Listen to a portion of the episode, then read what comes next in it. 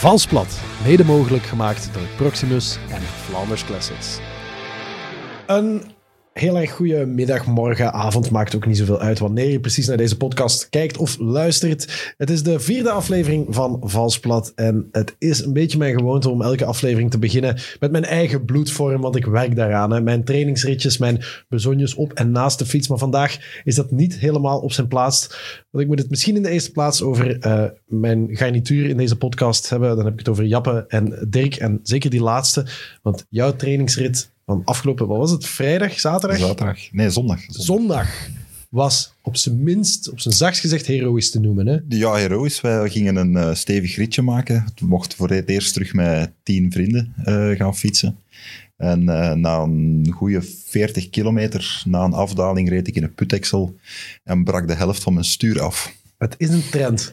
Het is een trend, ja. Het is, eh, ik ben in goed gezelschap, hè. Nicky Terpstra, George Hinkepie, Mathieu van der Poel. Ehm, en wonder boven wonder ben ik kunnen blijven recht, eh, ben ik recht gebleven. Eh, ik weet nog altijd niet hoe dat... Maar ik ken dat gevoel dat zo alles in slow motion begint te gaan. Het was lang geleden dat ik dat nog eens voor had gehad. Maar ja, stuur brak af. Bedacht van, ja, het gaat toch niet mijn voorwiel slagen. Kunnen rechttrekken, net naast een bord en een elektriciteitspaal mij gevrongen.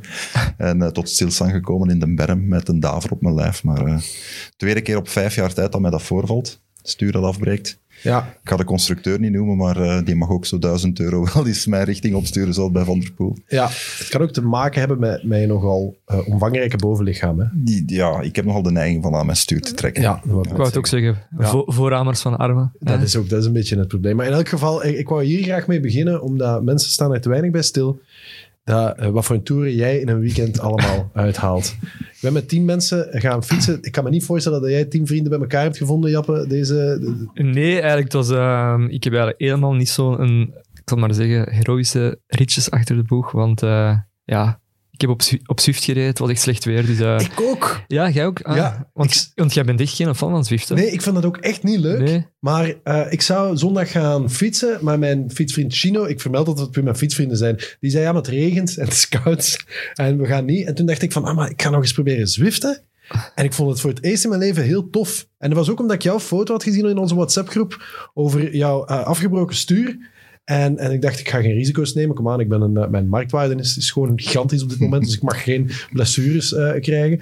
Eh, en toen dacht ik, ik ga zwiften. Ik vond het voor het eerst in mijn leven leuk.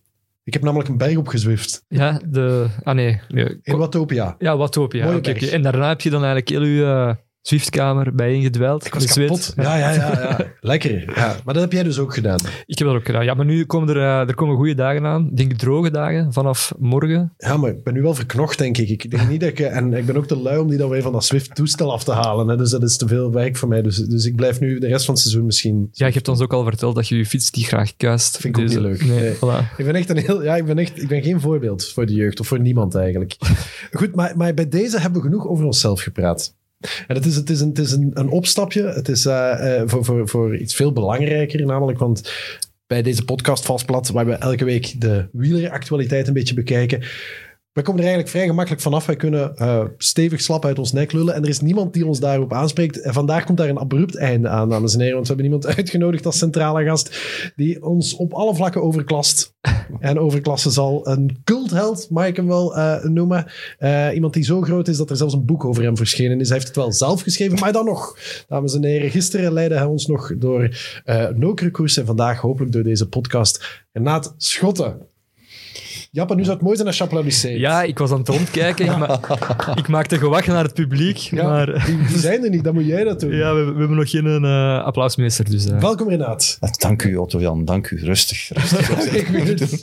Ja, maar dit overkomt mij ook niet elke dag, hè, Renaat. Ik bedoel, eh, het, is, het, is, het is voor mij ook allemaal nieuw. En, uh, ik Voor mij jou, ook hier. Ik heb jou één keer eerder ontmoet.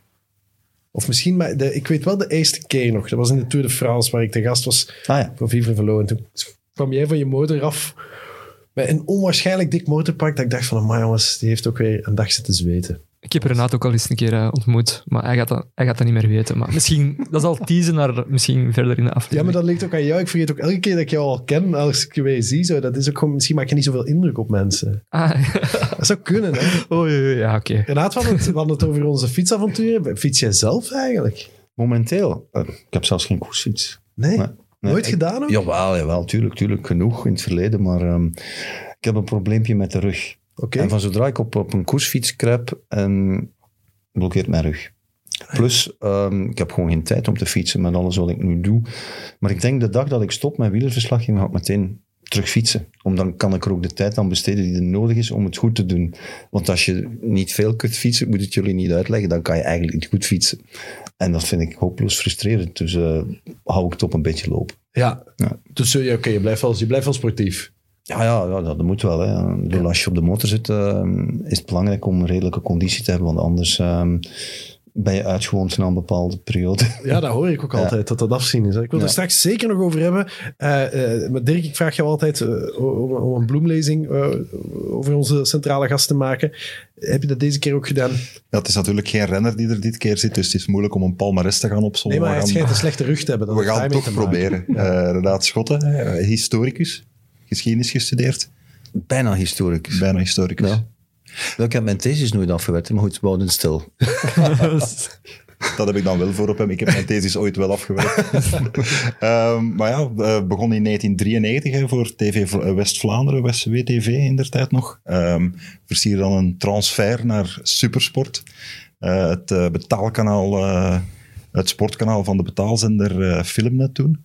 En kon dan in 98, daar leren hij, dus in 95 leren hij Mark Uitroeven kennen. Presenteerde toen het cultwielerprogramma 5312 waar ik toen nog met veel plezier naar gekeken heb elke week. Ehm, en kwam dan in 98 onder de vleugels van Mark Uitroeven op de VRT Sportredactie, waar hij de man aan de finishlijn werd en de man op de moto. En dan eh, vanaf 2002, daar heb ik nog goede herinneringen aan, begon hij ook commentaar te geven in eh, zijn eerste Giro d'Italia. Ehm, en heeft ondertussen 22 tours, denk ik, 20 Giro's en twee Vueltas op zijn palmares. Dus ik kan toch wel een deftig palmares voorleggen. Dat is inderdaad een palmares. Hè? Jullie, maar jullie kennen elkaar toch? Hè? Of jullie... Ja, tuurlijk, tuurlijk. Ik ken eh, ja, Dirk van op de koersen, eh, heeft er genoeg gedaan. hè. Ook betrokken bij, ja, ik denk dat de mensen dat wel weten, hè, bij, bij de ronde, ehm, de, de, dan een jaar later wordt uitgezonden. Ja, ja, bij, ja, dus, ja. eh, ja. En, en ja, komen elkaar geregeld tegen. Deze winter nog een paar keer in het oor van Renaat gezeten tijdens de cross. Dus eh, Ah ja, jij zit in dat door. af en toe, ja, Ja. af en toe. Dat is in coronatijden is dat, is dat hoogst onhygiënisch Ja. om iemand ooit te zitten. En waar, waar roep jij dan naar, naar, naar Renaat? Afronden, afronden. Hey, eh, eh, Wielerman, hè, dat is je, je, je, je, je roepnaam. Waar komt die eigenlijk vandaan? Heb je die, die jezelf ooit toegedicht? Of heeft iemand Nee. dat- Ehm, ja, ik ben die beginnen gebruiken op sociale media. Dat is eigenlijk door een stom toeval. Omdat toen ik op Twitter actief werd, mijn naam bezet was. Iemand had mijn naam aangenomen, terwijl ik nogthans de enige ben, bij mijn weten. En, en ik dacht van, oké, ja, dan... Ah, er bestaat een Ad Renaat Schotten. Nee, die bestond toen, maar die, Ja. die, die account is, die bestaat niet meer. Eh, het is lang geleden. En ik heb toen eh, gewoon Wielerman ingevuld, want ik had een account nodig, vond ik. Ehm, geïnspireerd door, door eh, de, de Twitter-oppergod van het wielrennen, Lance Armstrong destijds. En ehm, dus ik, ik meld mij aan als wielerman, omdat dat eigenlijk een, een benaming was die mij destijds door Bart Raas werd eh, toegedicht. Toen ik voor 5312 de, de, reportages maakte. Want ja, daarnet is mij de eer eh, toebedeeld om daar als hoofdpresentator van naar voren geschoven te worden. Maar eigenlijk, ik heb dat ook gepresenteerd, maar Bart Raas presenteerde dat. Stef Wouters, Robin Janssens heeft dat nog gedaan. Ik ben maar een klein, klein bier vergeleken bij die eh, presentatoren qua ervaring. Maar ik deed dus vooral de reportages. En Bart Raas die leidde me altijd in onze wielerman. En zo, zo is dat gekomen. Ja. Eh, ja, stomweg, dat is in mijn hoofd blijven hangen. Het is niet dat mensen mij toen in 2010, toen ik een, Twitter-account eh, opende, dacht van ja, iedereen noemt mij wielerman. Totaal niet. Dus mijn naam was bezet en door een stom toeval heb ik dan eh even Wielerman als alias aangenomen. En dat is gebleven. En uiteindelijk is dat geen slechte zet gebleken. Eh, omdat, ja, ik heb er ook een boek onder eh, uitgebracht. En mensen identificeren mij met die alias tot in het buitenland toe. Dus het is alleen maar een voordeel. Het is, Is, is herkenbaar. dat zo? Ja, word je in het... eh, Als Mark Cavendish ehm, mij van in de verte ziet aankomen, roept hij al, hey, Wielerman. En, en zo zijn er x En aantal... jij roept dan terug Caveman? ja, jij roept dan ook, toch ook terug Caveman? ik, ik roep, ja, zoiets, ja. Ik heb je ja. boek zo Caveman, zeg je. Ja. Of Caveman, Ja, ja. ja. Ik, heb, je- ik heb je boek zo Klopt, wat diagonaal gelezen, Ja. daar juist. Dus eh, daarmee. heel veel mensen gaan al verbazen dat je überhaupt leest. Ja, het, ik ben er eigenlijk niet gewoon aan het lezen, want ik wacht normaal gezien eh, op de film. Ja. Maar ja, er zijn al zoveel eh, boeken van Wielerman over de toonbank gegaan. Zijn er al plannen voor een film? De film is beter dan boeken, maar die gaat er niet komen. Hey, maar wie, zou, wie zou Renaat Schotten ja, in die film mogen spelen? Heb je daar al eens over nagedacht? Nee, daar heb ik nog niet over nagedacht. Dat lijkt me ook geen geschenk eigenlijk. Ah, oké. Ja. Nee, maar je Is Matthias Schoenaerts nog vrij? Of, eh? Je, je, je gaat het direct zien zitten. Maar want ik belde vanochtend naar de standaard boekhandel, want ik dacht, ik ga hem. Ik, ga, ik had je ook nog een bericht gestuurd. Nergens mee, behalve de standaard boekhandel van Brussel-Noord en Antwerpen. Dat zijn de enige waar dat ze hem nog hebben. Ja, ik bedoel, hij is niet zo, zo breed verspreid, denk ik, maar het is ook al een jaar geleden natuurlijk. Hè. Ik denk, je kan hem nog altijd heel snel... eh, Online. nee, ja, je, je, je bestelt hem gewoon bij de uitgever en dan Ja. heb je hem heel snel thuis geleverd. Maar er zijn maar volgens mij een paar honderd exemplaren meer. Dus eh, Ja, me- mee nog. We, gaan, we mogen straks mogen we ook vijf exemplaren weggeven. Nou, mooi. Ja. Ja. Maar dat is inderdaad is net uitgekomen voor eh, de, de hele corona-uitbraak. Ja. Dus je hebt, je hebt, dat is jammer hè, dat, dat, je- dat, je- dat je net niet... Je bent niet naar, het boeken, naar de boekenbuis kunnen gaan of dat soort... eh dat is een, Nee. Daar doe je toch ook een klein beetje voor, lijkt mij dan toch. ik zal verplicht zijn om nog een boek te schrijven, Ja, zeker. maar daar wou ik eigenlijk naartoe. Wielerman 2. The Return of Wheelerman. Ja. Ja. Ik heb eigenlijk nog wel een vraag. Eh je had het daar, daar juist uitvoerig over eh, 5312. Ja. Voor de jonge luisteraars, kijkers. Wat voor een programma was dat eigenlijk juist? Ah, 5312, dat was destijds de grootste wielersversnelling. Ondertussen rijden ze met, met andere versnellingen rond. En ja, het was een magazine van een half uur. En het leuke eraan was dat daar eigenlijk ehm, dingen in gedaan werden die toen absoluut not done waren. Ehm, namelijk wielrenners port- portretteren als... eh, ja, het waren de eerste human interest portretjes over coureurs eigenlijk. Het zal jullie niet verbazen dat dat een idee is die volgens mij, eh, dat volgens mij ontsproten is aan het brein van Wouter van den Houten. Ik maakte dat programma denk ik persoonlijk voor hem. En Zoals het altijd gaat. Waarschijnlijk zijn we dat nu ook aan het doen. Hoor. Je weet het gewoon nooit. Maar waarschijnlijk doe je alles gewoon rechtstreeks voor hem. Ja, die Merks keek ook wel. Hij was ook een van de weinige abonnees en Rick van Looy ook. En dat was voor mij al voldoende. Wetende dat die twee keken naar het programma. Ja, eh, Supersport had, had maar een 80.000 abonnees. Die zullen zeker niet allemaal gekeken hebben. Ze hebben trouwens 38 afleveringen opnieuw uitgezonden tijdens de lockdown. Waardoor ik mijn hele verslaggeversjeugd als het ware heb herbeleefd. Dat dat heel apart was om, ja, om dan terug reacties te krijgen op een programma van 25 jaar geleden. Dat was ook grappig. Ehm, er zaten portretten in van, van profs, van, van echt vedetten. En Jan Segers heeft, eh, toen sprak ik nog geen Italiaans, ik ben ooit met Jan Segers eh, op bezoek geweest bij Marco Pantani, die toen het criterium van Gerardsbergen reed, dat bestaat niet meer. En dat was toen gewoon tien rondjes de muur op en af. En Jan Segers deed dat dan een schitterend interview, eh, perfect Italiaanskundig met Marco Pantani. Dan gingen we daar terug mee naar, naar ehm, de Tollaan, daar was dat te doen sinds Stevens Volio. Dan werd dat gemonteerd en werd dat een, een mooi exclusief gesprekje met Pantani, zoals je hem eigenlijk nergens anders zag op dat moment. En dat was ook een belangrijke, daar hadden we ook samenvattingen van ehm, jongere wedstrijden. En dat zag je echt nergens anders. De Gouden Fiets, Eddy Merckx, haalde misschien, als het mee zat, een, een kort itempje in, in Sportweekend destijds, als een soort niche, maar wij brachten daar acht minuten van. Dus van, van een, een, een nieuwelingenwedstrijd en we deden ook juniorenwedstrijden, eh Leuven-Zepperen, dat soort dingen. Er zaten ook portretten in van jeugdwielrenners. Ik heb daar heel veel latere profs leren kennen als jonge wielrenner, al dan niet doorgebroken. Dan spreek ik over figuren als Roy Sentjes, eh Sent Spoormakers die nooit is echt doorgebroken bij de profs, maar wel journalistisch ja. geworden. Ehm, ja, enfin, dat, dat was 53-12. Er zat een weekoverzicht in op de muziek van Robert Miles. Ik krijg nog altijd... eh, het haar om mijn armen komt nog altijd recht als ik dat hoor van die betreurde DJ. En eh, er was ook, een, was ook een studiogast. Die, eh, op die oude afleveringen zie je mij dan Adrie van der Poel of, of José de Kouwer min 25 jaar interviewen. Dat zijn ook voor mij nieuwe dingen als ik ze achteraf terugkijk. Ja, en ook om, om, om de tijd maar te kaderen, je ging daar op bezoek bij Jo- Johan Museeuw om een portret rond, eh, rond hem te maken. En je vroeg aan Johan van, ja, welke muziek moet er eh, onder staan? En Johan gaf me gewoon een box vol met cd's. Klopt, ja. Ja, ja, klopt. Ik heb ze wel teruggegeven. Hè. Dus, eh, het heeft toch even geduurd voor ik die cd's bij hem terug heb gekregen, maar dat is dan wel gebeurd. En, en eh, dat, dat is mij ook bijgebleven, dat portret. eh, ja. Dus moesten er nu nog eh, programmamakers luisteren? Eh, misschien 5411, de, de versnelling is veranderd. Is dat, eh, is dat momenteel de, de, de, de zwa- de zwaarste verzet? Er wordt mee, ja, er wordt mee gespeeld natuurlijk. Ja, Dus, Op de pistekant nog zwaar. Ja, dat, dat zal wel. Dat zal wel. Je zei net van, je vond het fantastisch dat, dat je wist dat Eddie Merckx onder meer keek. Eh, eh, je bent ook een groot liefhebber natuurlijk, een, een, een, een, een grote fan van, van de sport en van de coureurs. Ja. Is dat veranderd door de jaren heen? Voor mezelf? Ja? Nee, nee, ik ben alleen maar meer fan. Het, is, het wordt elk jaar erger, denk ik. Dat is een beetje...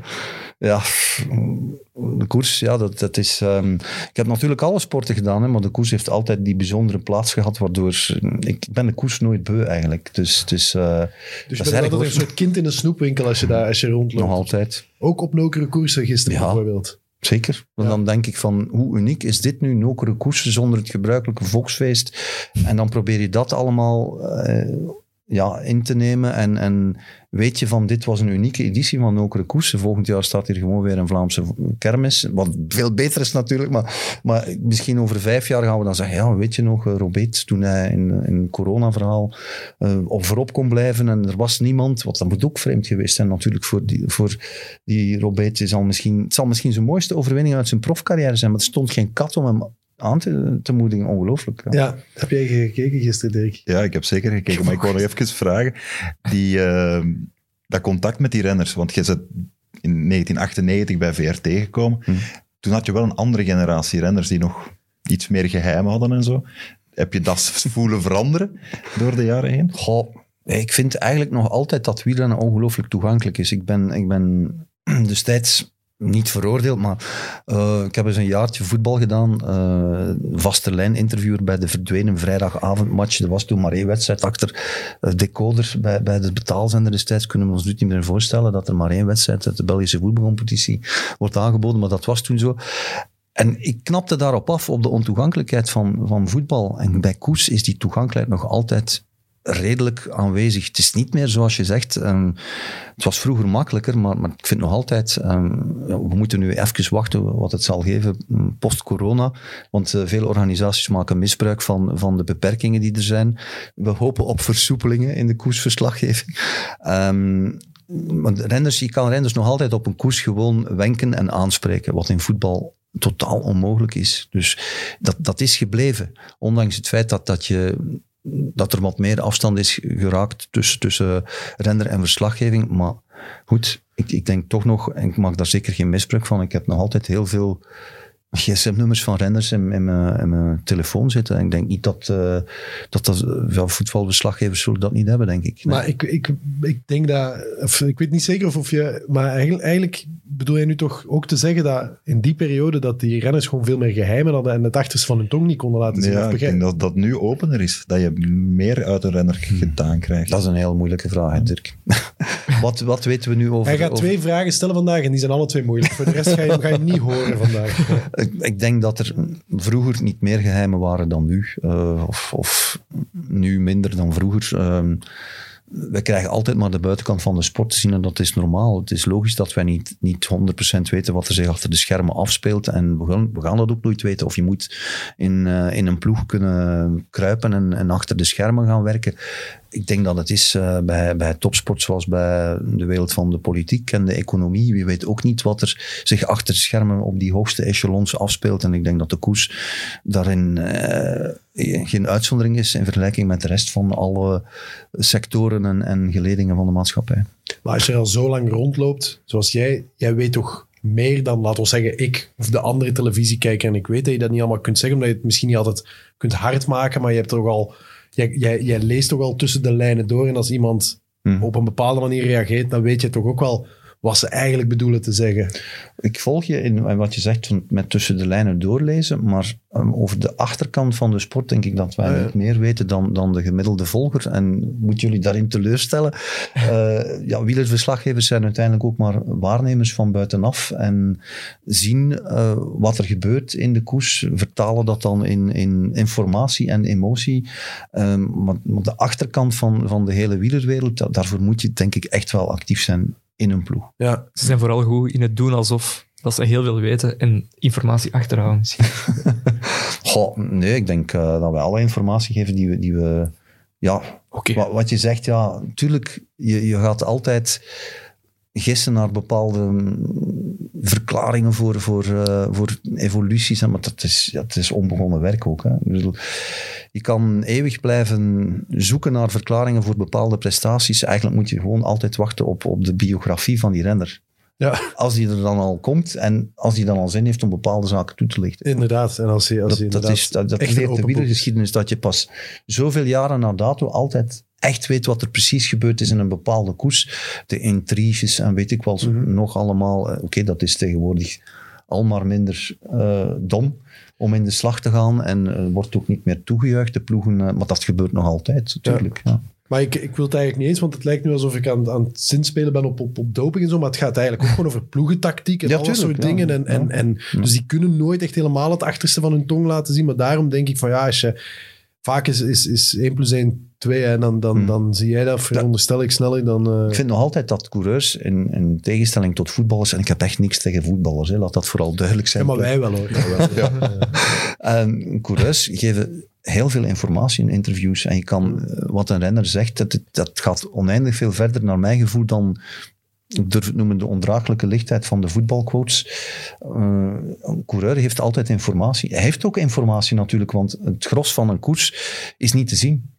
Terwijl ja, een voetbalwedstrijd, je zit op het veld te kijken, je ziet wat er gebeurt in, in een wedstrijd. Je kan ook zitten kijken naar spelers die niet betrokken worden bij het spel. De looplijnen, weet ik nog allemaal van die ongein. Maar bij een koers gebeurt 95% van, van de actie buiten beeld. Ondanks de verbeterde beeldvoering eh, blijf je nog met, met 200 verhalen. 200 trainers, die hebben elk hun eigen verhaal. Ja, maar ja, Jappe, je zit op het puntje van je stoel, maar ik wil nog één ding daarop. eh, Maar, nee, maar, maar ik ga, ik ga, hé, want, want jij speelt daar bijna een actieve rol in, want je zegt die zijn inderdaad open. Hè? En soms vind ik die verbazend open. Wat ik onwaarschijnlijk vind, is dat je tijdens een koers soms naast een ploeg... eh, Ik weet niet of dat nog... Misschien mag het niet meer. Maar naast een ploegleider gaat rijden en vraagt, en wat zijn jullie plannen? En dat die beginnen zeggen, wel ja, we dachten misschien daar op de pater aan te gaan. Weet, weet ik veel, dat soort dingen. Dat ik denk, ik zou dat stilhouden, want er zijn misschien nog mensen die, die dit volgen en die gewoon naar een andere ploegleiderwagen gaan, gaan bellen. Eigenlijk vind ik die verbazend open soms. Wat dat, dat houden ze meestal ook stil, hè, wat hun echte tactiek is. Maar, maar je kan nog altijd vragen stellen. Wat, nu kan het niet. Het kan even niet in, in coronatijd. Je mag geen interviews doen van op de motor in koers. Maar ik hoop dat snel opnieuw te doen. Alhoewel ik nu niet weet of die regels ook gelden voor de Vlaamse koers. Maar in Frankrijk mag het in elk geval niet. Ehm, ja, dat klopt. En, en het is niet alleen die ploegleiders interviewen. Hè. Op de motor zit je eigenlijk op het speelveld. hè. Het is alsof je op de Champions League op het veld zou komen en meeloopt. Ja. Dat is op de Dat motor. zou ook echt moeten doen. Ja. Vlak voor zo'n Messi een aanloop neemt voor zijn vrije trap, dat je zo een stukje meeloopt en, en hoe ga je het precies aanpakken? Wel, ik dacht linkerboven ook van, oh, een goed idee, ja. Dat is, dat is eigenlijk, zou voetbal misschien wel wel leuker maken. Heb je ooit al eens een keer het, het gevoel gehad dat ze u gebruikten of zo in, in de koers? Dat ze eigenlijk, ja, dat je, toen dat je een vraag stelde, omdat ze ook weten dat in de andere wagens er wordt meegeluisterd. Ik denk dat dat ongetwijfeld al gebeurd is, maar of dan ik dan het gevoel heb dat, dat ik gebruikt ben, nee, dat gevoel, ja, ik denk dat we zijn op dat moment part of the game. Dat ze u als media, als mediafiguur en als journalist eigenlijk te bespelen. Tijdens de om- koers, ja, ja, ik snap perfect Ja, ja. wat je bedoelt. Tijdens de koers denk ik niet zozeer, maar voor de wedstrijd ben ik ben, ben er zeker van dat er al heel veel renners bij een, een obligaat startinterview de waarheid verzwegen hebben of hun ware intenties niet hebben gedeeld met de buitenwereld. En in koers pakken die dan plots uit met een actie waarvan je zegt, ja, oké, het was wel duidelijk dat hij in het interview niks wou zeggen. Maar ik denk dat ja, niemand staat daar achteraf eh, al te zeer bij stil, maar ik natuurlijk wel. Hè. En, en op de duur weet Wij je ook, ook, wel wie, wie hier opener is of geslotener is op dat vlak. Maar maakt het alleen maar intrigerender voor mij. En om die interviews te blijven doen, je bent er nooit klaar mee. Ook al ga je voor de zoveelste keer naar een renner, er is altijd wel iets te rapen. Ja. Wie was de moeilijkste om te interviewen? Goh, ehm, dat is een heel moeilijke vraag. hè. De echt moeilijkste om Het is zijn tweede vraag. Daarna gaat hij slapen. Hè. Dus dat is echt, dat is, Ja. Ehm, Cipollini was toch wel een verhaal apart. Ehm, ook door de taalbarrière in het begin van mijn loopbaan. Ik kan nooit vergeten dat ik Cipollini eh, in een van mijn eerste rondes van Italië probeerde met eh, wat steenkolen Italiaans een quote te ontlokken, waarop hij de historische woorden Vavanculo sprak. Ik heb toen pas eigenlijk een paar uur nadien gehoord wat, die, wat dat echt betekent. Kan wel, kan dit wel in deze podcast? ja, zeker, zeker, zeker, ja. Dus ja, eh, En Cipollini was Dat eigenlijk is toch tijdens, mijn kloten, hè? Ja, ja, ja, tijdens zijn carrière was, was echt wel niet eenvoudig om hem te interviewen. Maar ik heb later na afloop nog veel gelachen met Cipollini. Ik heb hem zelfs ooit op een party in Las Vegas binnengesluist. Dus ik heb fijn verhalen. In de marge van Las Vegas en. Interpark.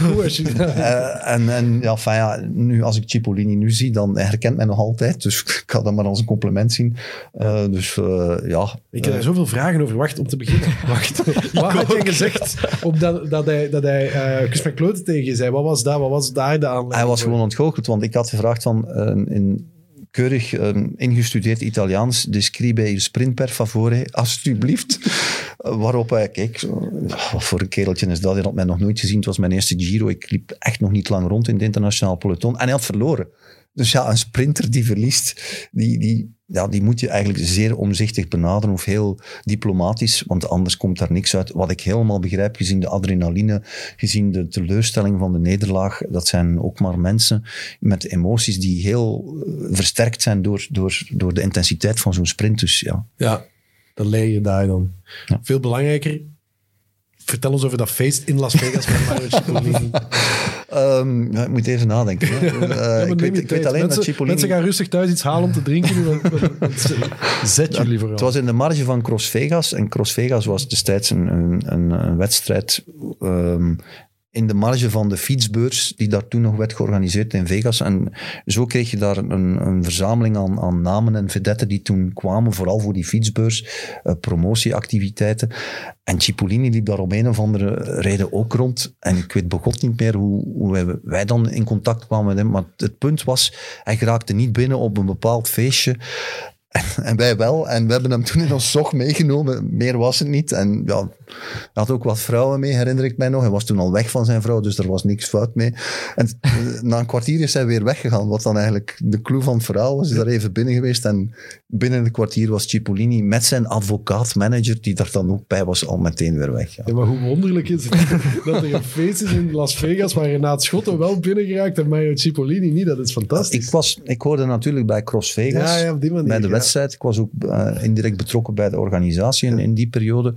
Dat, dat klopt eigenlijk niet wat ik nu zeg, maar, maar eh, ik, in elk geval die organisatie die, eh, um, die deed eh, allerlei zaken voor ons en die had ons daar binnen, binnen gefixt, denk ik. Eh, ik weet Ja. het niet meer exact. Maar zijn dat van die momenten, ik kan me dat voorstellen. ik ben, ik ben allee, lang als muziekjournalist zo actief geweest en dat je soms op plaatsen terechtkomt en je denkt van, wacht even, hoe is dit precies gebeurd? Hoe komt het dat ik hier nu sta met die en die mensen? Dat is zo'n moment, veronderstel ik. Ja, eigenlijk wel, ja. ja. Een per- personeelskaart van de VRT, open deuren. Ja, dat, Heb jij er nog een? Of, eh? een personeelskaart van de VRT. Ja. Ik heb, maar ze zijn allemaal ongeldig verklaard. Ik kan er echt niks meer mee. Maar af en toe, eh, maar het is ook niet dat je daar echt enorm veel grote sier mee maakt. Met een personeelskaart van de Blijk- VRT. blijkbaar wel, ja. Ja, nee, ja, het is dat. In Las Vegas. Maar daar, Las kom, ik, kom ik zelden of nooit. Ja, buitenland wordt het wat moeilijker ook nu voor een uh, wielerjournalist. Ehm, ja, klopt. Ik heb, maar alhoewel, vorig jaar heb ik toch nog, ehm, ja, ik heb toch nog redelijk wat buitenland gedaan na de, de corona-break. Ik ben eh, uiteindelijk nog in de, Tour geraakt, in, de Giro en de Vuelta. Voor het eerst in mijn loopbaan heb ik vorig jaar eigenlijk door de omstandigheden ben ik in de drie rondes aanwezig geweest. Ehm, ik heb weliswaar geen enkele van de drie volledig gedaan, door dan die overlappingen en, en allerlei toestanden. Maar het was voor mij dus een, eigenlijk een bonus, want ik was niet voorzien voor de Vuelta in het begin van het jaar. Ik was ook niet voorzien om, om de Tour op de motor te doen in het begin van het jaar. Dus corona had ook voordelen. Er was ook een keerzijde van de medaille. Maar anderzijds eh, ben ik eh, niet op het WK geraakt door een vals positieve in onze tourcrew. eh dat soort dingen. Maar ik ben al bij al nog vrij veel in het buitenland geweest, ondanks het hele verhaal. Ja. Ja. Ehm, want je gaat dan van, van in, ik bedoel, in dit specifieke, bijzondere jaar, doe je dan alle grote rondes. Was dat drie keer op de motor of, niet? of heb je daar ook commentaar? eh, De Tour was op de motor, de Giro was voor interviews en de Vuelta was in de commentaarcabine. Ah ja, oké, dus je hebt alle posities Ja. bekleed. Wat, wat is eigenlijk je favoriete positie? Oh, ik, ik doe graag, ik blijf graag alles doen. Maar Ja. natuurlijk, de motor heeft, heeft, heeft wel iets voor, omdat je dan, om- wat ik net zei, je, rijdt- je zit mee in koers. Ehm, uiteindelijk is dat maar ja, een dag of 15, maximaal 20 per jaar. Dat is maar een heel klein eh, deel van mijn takenpakket. Maar het blijft natuurlijk uniek. Hè. Je, zit, je zit in die wedstrijden. Wedstrijden zoals, zoals eh, de Ronde van Vlaanderen en Parijs-Roubaix blijven toch koersen waar je eigenlijk als een sporter bijna naartoe werkt en naartoe leeft. Dat, dat zijn toch... eh, dit jaar is mijn grote ambitie om op het WK op de motor te kruipen, maar ik weet nog niet of het kan. De toelating moet nog gegeven worden. UC moet daarvoor uh, dan ook uh, toestemming geven. Dat is eigenlijk nog nooit gebeurd op een wereldkampioenschap. Verslaggevers op de motor, Ah, ja. omdat dat een wedstrijd is die niet uh, tot het gebruikelijke circuit behoort van de World Tour. Dus daar gelden andere regels. Ik hoop gewoon dat ze die toelating geven van de WK op de motor in eigen land. Dat is dan wel... Dat zou iets bijzonders zijn, toch? Ah ja, dat is mij nooit opgevallen. Nee, voilà. Bij deze is dat ook een open sollicitatie. Dus Ja. ze zullen wel naar de podcast luisteren. Wisten we maar, wisten we eigen. maar wie dat organiseert. Hè? De Ja. WK. Dan, eh, maar en en hoe, hoe lossen ze dat dan ook? Krijg je dan commentaar eh, tijdens een WK van in de koers? Niet. Niet. Ja. Of vanuit een helikopter? Maar vroeger waren de WK's ook waren meestal plaatselijke rondes. Het Ah, is ja. pas de laatste jaren dat ze begonnen zijn met een lange aanloopfase. Of eh, zoals nu het WK in Leuven gaan ze lokaal rondes, maar je hebt twee grote lussen naar Overijse. Ehm, en dan is het moeilijker, omdat dat is lokaal circuit. eh, dus dan denk ik dat er inderdaad misschien wel kans is voor wielerman op de motor. Maar ook al op een het lokaal circuit is toch de meerwaarde van een motor. Toch? Ja, maar dus je zit daar met heel veel volgwagens renners op een beperkte afstand. Het is anders dan een, een, peloton dat in, in Ronde van Vlaanderen, waar er meer afstand is en waar het allemaal makkelijker te overzien is. Ja, het is ook niet evident hè, op zo'n motor. Het is acrobatiek eigenlijk dat je, dat je eigenlijk bedrijft, of niet? Goh, ik vind dat wel meevallen eigenlijk. eh, dat, die vraag wordt mij Ja, af en de luisteraars konden vragen insturen. En we hadden een vraag van Frederik de Grijze. Once and for all, zit Renaat vastgegespt op de motor? Of heeft die man gewoon het evenwichtsgevoel van een Russische koorddanser? I wish. Het zou mooi zijn, eh koorddansen, maar nee, ik zit daar heel los op. En misschien heeft het te maken met, met mijn jeugd. Mijn vader die heeft mij heel vroeg meegenomen op de motor achterop. Tot in Noorwegen toe, eh, reizen van twee weken, waar ik zelfs achterop de motor in slaap viel en dan rustig eh, zat te, te pitten zonder probleem.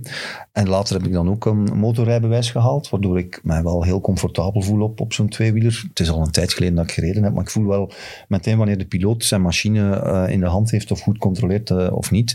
Dus ik, voel mij daar eigenlijk als een vis in het water en, en heb eigenlijk geen schrik op de motor. Dus je hebt bijna altijd dezelfde piloot, veronderstel ik. Of, of is dat... ehm, eh, vroeger wel, maar de, de jongste tijd wordt er meer gealterneerd en, en heb ik wel een... Wisselende Maar contact. het zijn wel jongens waarmee ik wel vaker samenwerk en, en dat is op zich wel goed ook, ja, die Ja. afwisseling. Ehm, we vroegen ons eigenlijk ook af, want ja, iemand die zoveel rondes en koersen gereden heeft of meegemaakt, Mhm. in welke positie dan ook, zijn er bepaalde koersen waar je, waar je bijzondere herinneringen aan bewaart of die, die je hoger inschat of die, die, waar, je, waar je op terugkijkt en je denkt dat was misschien wel een hoogtepunt eh, in de carrière tot nu toe? Maar gevoelsmatig is, is de Giro voor mij natuurlijk ehm, ja, heel belangrijk. Ehm, ik heb er ook mijn commentaardebuut gemaakt. Eh, niet bij de VRT, ik moet mijn cv eventjes bijstellen, die daarnet zo mooi is door, door eh, Dirk. Eh, maar eigenlijk al in 97, toen, eh, toen ik als interviewer meeging met, met Mark Uitroeven en José de Kouwer. En één cameraman, dat was toen de equipe van, van de betaalzenders ter plekke. En Mark die schoot toen jammer genoeg door zijn rug. Ja, en hij moest naar huis en voor de laatste week. En toen, toen hebben ze allemaal naar mijn, in mijn richting gekeken en Bibi mocht invallen. Ik had geen enkele commentaarervaring en eh, ik werd op die stoel gedropt en moest er het beste van maken. En ja, de eerste koers die je becommentarieert, dat, dat, dat blijft natuurlijk in je herinnering hangen. Ik weet nog dat ik die, die, die eerste dagen totaal verlamd, leeg, uitgeput van die commentaarstoel stapte en dacht van dit wordt nooit iets. Dus Ja. ik denk dat ik maar Wie won, beter... wie won de eerste koers die je becommentarieerde? Uh, het, was, het was een, eh, een Giro met twee kleurloze figuren, Gotti en Tonkov. En er was een koninginrit over de legendarische Mortirolo ehm, op de voorlaatste dag. En die voorlaatste dag, daar begon ik mij eindelijk comfortabel te voelen. En dat bandje is later gebruikt op de VRT om mij groen licht te geven, om commentaar te geven bij, Oh. bij koersen op de VRT. Dus, En word je dan zo extra getest door in zo'n kouwer, omdat hij naast je zit en dat hij denkt van we gaan... We gaan de, we gaan- Integendeel. Ja. Eh, José heeft ervoor gezorgd dat ik op die stoel ben gaan zitten. Want had José niet om mij gebabbeld, dan had ik nooit gedacht van ik ga nu op die stoel zitten en we gaan dat hier doen. José heeft gezegd van kijk, eh, we spreken gewoon een aantal dingen goed af en je pakt het zo en zo aan. En heeft mij moed ingesproken en moed ingepompt en eh, tegen mijn beter weten in. Omdat ik natuurlijk geen enkele kilometer op de teller had. En kijk, Een mens moet ergens beginnen, Ja. zeg ik altijd. tegen Dirk en Jappe. Als we weer huilend aan het begin van zo'n podcast zitten van wij kunnen dat eigenlijk niet aan, dat is ver buiten ons bereik en dat klopt ook, maar jullie moeten ergens beginnen. Ik zeg het wel vaker. Dat is, dat is, dat is iets waar je op terugkijkt vanuit de commentaarpositie, van op de motor. Op de motor. ehm oh, dat is veel hoor. Dat, het zijn zoveel wedstrijden. Ik zit op de motor in de Ronde van Vlaanderen sinds 2005. Dat was meteen ook een overwinning voor Tom Bonen. Ehm, maar ja, de manier waarop ik op de motor zat in 2005 is niet te vergelijken met de manier waarop ik nu op de motor zit. Ehm, Amazone zit. nee, ik- Veel eleganter, ja, maar dat waren andere tijden. In 2005 was ik zeker nog groen achter de oren als motorverslaggever en dan onderga je de wedstrijd eigenlijk vooral. Terwijl als je meer kilometers op de teller hebt, dan, dan eh, anticiperen is een tweede natuur geworden. De plek die je dan zoekt op de motor. Ja, ik heb natuurlijk al veel meegemaakt op die motor. Een van de meest recente anekdotes is, is het verhaal Pustelberger in Dwars door Vlaanderen. Pustelberger die in de kopgroep zit, gesloten overweg. Ehm, kopgroep blijft stilstaan, peloton komt eraan, peloton slokt de, de ontsnapping op. Ehm, commissarissen zeggen van ontsnapping moet terug vertrekken, wat ook gebeurt, maar Pustelberger was niet mee. Ah, we kunnen de wedstrijd niet opnieuw laten beginnen. Pustelberger moet eerst terug in de kop van de koers zitten, zodat we de wedstrijd kunnen laten hernemen. Waar is Pustelberger? Opsporingsbericht, niemand vindt Pustelberger. Pustelberger komt opgedoken.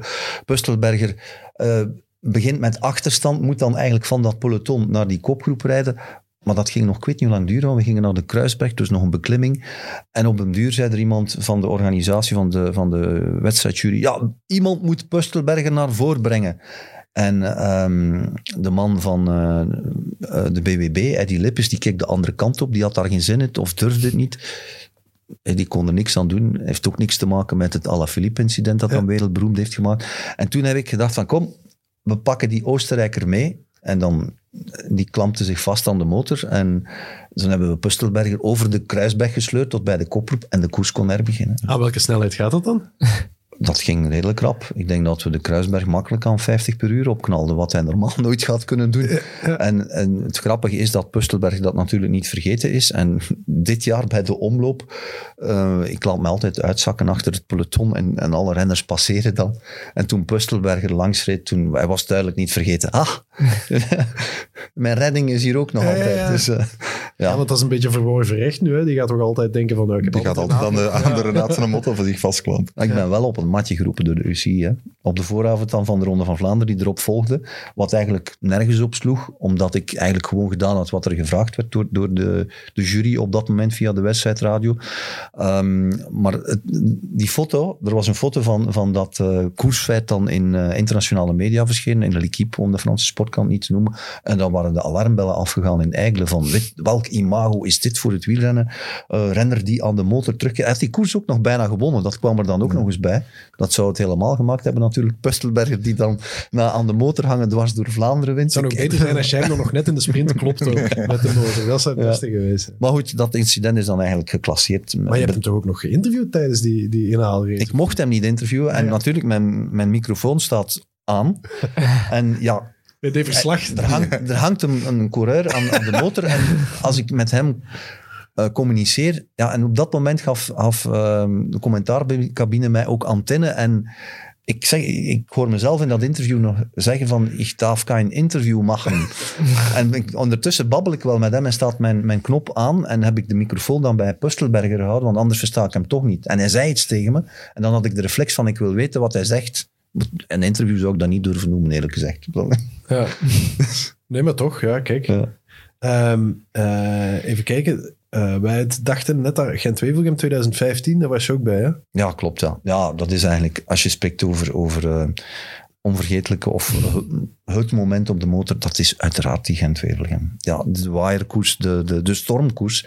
Waaiers is een understatement. Eh, ik heb daar renners letterlijk in de gracht zien, zien waaien. Gert Steegmans in de Moeren. ehm, de verbrokkeling, de manier waarop heel die koers dan eigenlijk uit elkaar gerafeld wordt door de wind. Wij rijden daar dan tussen, van waaier naar waaiers, zelf ook mee balancerend op die motor om, om recht te blijven. Moet je dan moesten ook- tegen, moet je tegengewicht geven de ja, tijd, ja, we moesten echt schuin hangen op die motor, want, want het was, ja, dat waren winden boven de 100 per uur. Met het huidige protocol zou die wedstrijd niet meer gereden worden, omdat er nu een UCI extreem weerprotocol is. Maar toen, toen werd er dus wel gewoon gekoest en is de, de wedstrijd is nooit officieel geneutraliseerd Behalve dat de renners op een bepaald moment gezegd hebben van, het is genoeg. We gaan hier even stoppen met koersen. Maar Ja. officieel is de koers nooit geneutraliseerd. Val je vaak eigenlijk als je achter op een motor zit? Of is dat nog nooit gebeurd? Dan moet ik nu hout vasthouden. Wat was het dan? Of je vaak valt, of je wel eens valt. Ah, valt. Ah, ik ben nog nooit gevallen op de motor. Vast. iedereen heeft Ja, ja, wel, ook dat is... eh, dat zo houden. Nee, we, we hebben al geflirt met de val natuurlijk. Ik herinner mij een, een, ehm, een fase in de afdaling van de Montenberg in een Gent-Wevelgem. Er lag een streepje modder in het midden van de weg. En wij komen in die afdaling, daar zit een blinde bocht in. En wij komen naar die blinde bocht en dat stukje modder ligt daar. En de ideale lijn of, ja, was daarover rijden. En ja, de motor, door de snelheid ook, kon niet anders dan over die strook rijden. En, en de motaar Marnik van Zevenand is er toen op miraculeuze wijze in geslaagd om eigenlijk... De motor begon te slippen. Maar nu moet je weten, Marnik is een kerel van bijna twee meter. En die heeft toen die motor gewoon, heeft gewoon gecorrigeerd door, door zoals op een, een, een trottinet, met zijn benen te corrigeren. En hup, hup, en even we flirten met de val en we zijn recht gebleven. En de, de lus later zijn we op dezelfde plek gepasseerd, waren direct over ons complex. Maar wat doe je dan daarna als dat gebeurt? Ga je dan even aan de kant staan en klop je eens op elkaar schouder? Of is dat Ah, nee, of niet na... De koers gaat verder, hè. We zijn gewoon in koers gebleven en ik zeg het, een paar kilometer, 30 kilometer verderop zijn we op dezelfde plak. eh, En nog eens die langs- strook gepakt Nee. over de kick. Nee, nee. nu toch Toen ging je iets trager. Ja, ja. Ja. Ehm, ja, het fijn dat je hier bent. Eh, en we kunnen nog lang doorgaan, maar we moeten ook een klein beetje de actualiteit erbij halen, want er is van alles gebeurd deze week. Ehm, ik ben aan het denken, zullen we, zullen we eerst Parijs-Nice en Tirreno er heel even bij halen? Parijs-Nice was jij, hè? Ja. Ja, daar heb jij gezeten. We moeten misschien, voordat we eraan beginnen, ook gewoon heel even onze pronostiek. Ah ja. Maar we moeten alle drie door het stof. Wij dachten bij Parijs-Nice, hebben we alle drie gezegd, zonder enige twijfel Primoz Roglic. Maar dan was daar toch die valpartij en, en het eh, volgens sommigen misgunnen van de, de titel, of tenminste de overwinning uiteindelijk voor Primoz Roglic, waardoor die Texelse Schachman er voor de tweede keer op rij... Ja, ik zag mij hier al met een smile zitten, alleen nog meer dan nu. Hoezo? Ja, ik had dan Roglic en uh, Pogacar eigenlijk getipt voor, eh Voor de- Tirreno en Ja, ja. Maar ja, Nee, bij de Tirreno had je gelijk. We, zo, we hebben zo dat dan ook... Jij zei Van Aert, Tweede, ook niet slecht. ook niet slecht. Ik zei Wie zei jij? Van der Poel. Maar ik wil dat nog even uitleggen. Want iedereen dacht op dat moment natuurlijk, Jan heeft geen verstand van koers, dat kan hij nooit winnen. En uiteraard, daar valt wat voor te zeggen. Het is ook een beetje chauvinisme natuurlijk. Maar toen ik hem zag vertrekken op de, de zaterdagrit of de zondagrit, op was het 100.000 kilometer van de streep, toen dacht ik, dit is het moment waarop Van der Poel mij gelijk gaat geven. En die gaat een soort zotte en die merksachtige ontsnapping, waardoor hij ineens acht minuten weer inhaalt. En dan wint hij alsnog de Tirreno Adriatico. En dan wil ik ze nog wel eens horen, Dirk en Jappe. Maar goed, zover is het allemaal niet gekomen. jij had geluisterd naar de podcast misschien. Ja, ik weet niet wat daar is fout gegaan. Enfin, maar het zag er wel even heel goed uit voor mij. Ik, kreeg het even warm, maar, eh, maar daarna niet meer. En jij zei Pogacar en dat was natuurlijk een eh, berekende en, en gemakkelijke gok. Het is, Maar, het is een makkelijke gok, inderdaad. Ja. ja. Eh, achteraf is het makkelijk praten, Renaat, maar wie had jij, wie, wie had jij voelen, of tenminste wie had jij getipt? Er is niks ergers dan als wielerjournalist gevraagd te worden naar een pronostiek. Ah, wacht, maar ik kan het straks nog eens doen hoor, voor Milan Sanremo. Hou je vast. Doe- Ja, Van der Poel ja, die had 20 minuten gepakt de dag voordien, dus die kon in elk geval, zelfs met 8 minuten zou je er nooit geraakt zijn, maar ik denk dat Pogacar de voor de hand liggende keuze was in, in Tirreno en Roglic ook in Parijs-Nice, maar koers moet altijd gereden worden, eens te meer, is bewezen. In de koers naar de zon hij is twee keer gevallen, maar ik denk dat hij die koers altijd gewonnen had, ondanks die twee valpartijen waren er niet de beslissing geweest van de wedstrijdjury om na die tweede valpartij barrage te maken. Ze waren erin geslaagd om de gele trui gewoon over het hoofd te zien, wat eigenlijk van de pot gerukt is. Als je als wedstrijdjury niet weet dat de leider gevallen is en dan maak je barrage, dan vervals je eigenlijk in mijn leefwereld de koers. Ik ga Maar- even voor Otto Jan moeten uitleggen wat dat barrage is. Wil ik. Kan er maar iemand zeggen... oh, ja, Oké, de barrage, ja. We kennen het, maar ik vraag me, wat is dat ook alweer? Dat ook, Ja, barrage maken is dat in principe als er een, een mechanisch effect is of een valpartij, ehm, dan blijven de auto's achter het peloton rijden en dan kan je tussen de wagens terugkeren. Oké. Als er barrage gemaakt wordt, dan wordt er eigenlijk, moeten alle auto's ervan tussen en moet je op eigen kracht, is vaak met, als renners gelost zijn, moeten ze op eigen kracht terug proberen te komen. Oké. Wat een pak moeilijker is. Maar dan is mijn volgende vraag. Hoe komt het? Eh, Jij zegt, ze wisten het niet. Wisten ze het niet? Of wouden ze het niet weten? Ja, daarvoor moeten we natuurlijk in het hoofd van de bevoegde commissarissen kijken. Maar ik denk, ehm feit is dat, dat ehm, Belgische commissarissen, wedstrijdcommissarissen, zijn de beste van de wereld. Omdat onze commissarissen ongelooflijk veel ervaring opdoen in eh, veldrijden. En die krijgen daardoor een intensiteit in hun job die buitenlandse commissarissen vaak niet hebben. En ik kan me perfect voorstellen dat, dat ehm, niet-Belgische juryleden zo'n zaken wel missen. En een Belg in dezelfde positie dat niet zou gemist hebben. Kan ik me perfect voorstellen. Dus de- hier waren het Franse commissarissen. Vermoedelijk, ja. Ik, En die ik zou- hadden- ja. Ja, en Ja. die zijn gewoon minder waardig.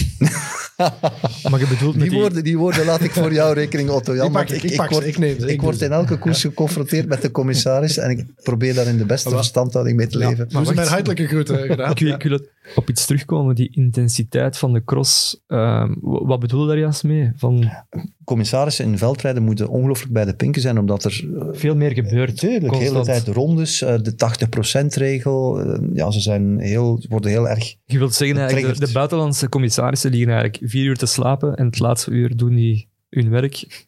En dan de Belgische zijn het gewoon om... Ze zouden veel meer veldritten moeten doen, want dat is de ideale opleiding om een goede internationale commissaris te worden. En commissarissen, voor de mensen die minder van wielrennen kennen, dat zijn de scheidsrechters van de koers en die zijn van levensbelang. Ja, je zag aan mijn blik dat ik ook niet 100% wist wat een commissaris was. Ik zat met commissaris Stapel in mijn hoofd, maar dat is van, van een hele Nee, tijd. er rijden elke wedstrijd een aantal commissarissen, een paar in de wagen, een paar op de moto mee, die eigenlijk ja, alle inbreuken op het reglement van de wet, op het wedstrijdreglement constateren. Ja. En die ook boetes uitschrijven. ja, maar daar heb ik inderdaad, dat zie je wel eens in de ronde, eh, of tenminste in de, de, de aftermovies, eh, hoe dat al werkt. En dat zijn ook dat zijn bij momenten verschrikkelijke. Maar ah, die, die moeten ook echt de commissaris uithangen. Hè? Wat ja. verschrikkelijke mensen, of wat zeg je juist? Ja, goh, ik herinner me vooral een scène waarbij een fotograaf weggestuurd werd omdat hij ergens op een, op, over een fietspad had gereden. En die was onvermurbaar. En die, on- eh, die, en die fotograaf zei van, ja, maar ik moest uitwijken voor een kat of, of, of er was iets. Hè. En je voelt dat die commissaris die moet dat afronden, maar die wil vooral ook, die moet door, want dat peloton is aan het doorrijden en er zijn nog klusjes te klaren. Dus dat was, dat was, dat was een heel stresserend moment. En dat zit ik eigenlijk altijd te denken als ik aan de de koers denk, en ik ga wel eens naar een koers kijken en heel af en toe wel eens wat, wat, wat dieper in zo'n koers, maar altijd valt mij die stress op. En, die, en dan kan ik me voorstellen, zeker als je dan nog eens op zo'n motor zit en je stapt daar af, dat je gewoon 400 kilo lichter bent van gewoon... Je, je hebt toch... Elk uur telt toch dubbel, dat gevoel krijg ik altijd in zo'n koers. Dat is waar. Uh, maar de hectiek en, en de chaos van de koers, doordat ik er al eigenlijk toch een tijd in zit, dat is voor mij als een soort tweede habitat. Je raakt het ik vind dat doodnormaal. En ja, ik kijk van heel weinig op. Ik heb al heel vaak volgwagens in elkaar zien rijden en knallen van eh, verstrooide chauffeurs eh, achter het stuur eh, of zo. Ja, zelfs als dat gebeurt, rechts van mij, ga ik eens kijken. Ah ja, weer een. ja, dat hoort erbij. En natuurlijk, als je dan zes uur op de motor gezeten hebt, dan, dan ben je gewoon fysiek ehm, al wat vermoeider. Maar het is ook vooral de, de concentratie die ervoor zorgt dat je afgepeigerd van, van die motor stapt en, en dat je dan wel eh, wat recup kan gebruiken. Ik bedoel, na de, mijn vrouw weet dat als ik thuis kom van de Ronde van Vlaanderen, dat ik om te beginnen bijna niks meer hoor. Of toch, mijn gehoor is verstoord ehm, door alle geluidsbronnen die, die die hele koers lang in mijn oor gepompt zijn. En nu valt er eentje weg in coronatijden, eh, dus het zal iets minder zijn omdat het publiek als, als factor wegvalt. Maar anders, eh, ja, dat duurt toch een dag of twee voor mijn gehoor min of meer normaliseert. Maar jij, jij komt mij zeer rustig over. En dat is ook wel zo, hè, want een rustig mens van nature, veronderstel ik. Ik probeer dat te zijn, maar ik denk dat ik inwendig ook wel... eh, Maar ga, ja, ga je wel eens door het lint ook, als je, daar, als je in die stress de hele tijd zit? En je, in je de wordt- koers Ja, dat is ongetwijfeld wel eens gebeurd in al die jaren, maar eh, de ervaring leert mij dat dat niks oplevert. Omdat die andere mensen die dan daar ook in, in een stresssituatie zitten, die proberen ook maar hun, hun werk te doen. Ehm, het levert niks op om je erin druk te maken in koers. Je moet eigenlijk proberen zo kalm mogelijk te blijven in al is- die omstandigheden. maar het is niet zo dat je zo door de jaren heen, dat er zo ergens nog een mot daar rondrijdt met een verslaggever waar je zo'n soort van veten mee ontwikkeld hebt en elke keer je denkt van, eh, die Nee. Italiaan of die Hollander, moeten we, die moeten we niet. Die duwen we eruit vandaag.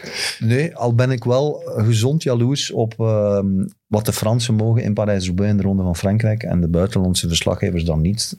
Terwijl bij ons wordt in, in, in Vlaamse koersen krijgen buitenlanders niet minder privileges. Ik, denk, ze hebben gewoon een andere taak, maar het is niet zo dat, dat, eh, dat ze dan eigenlijk eh, verder van de actie worden gehouden, wat de facto wel met de buitenlanders in Frankrijk gebeurt. Ik zich daar toch echt niets van aan. ik vind dat echt niet eerlijk. ik, ik ga daar blijven tegen verbaal protesteren, maar ik, ja, goed, ik denk niet dat er ook maar één eh, iemand bij, bij, bij ASO of, eh, of alle andere betrokkenen wakker van zal liggen. Nu, hij blijft er wel rustig bij, maar we hebben tijdens de ronde heel vaak een cameraatje op het gezicht van Renaat. Ja, ja, ja, ja nu, nu ben ik mee, Dirk. Nu weet ik wat er komt.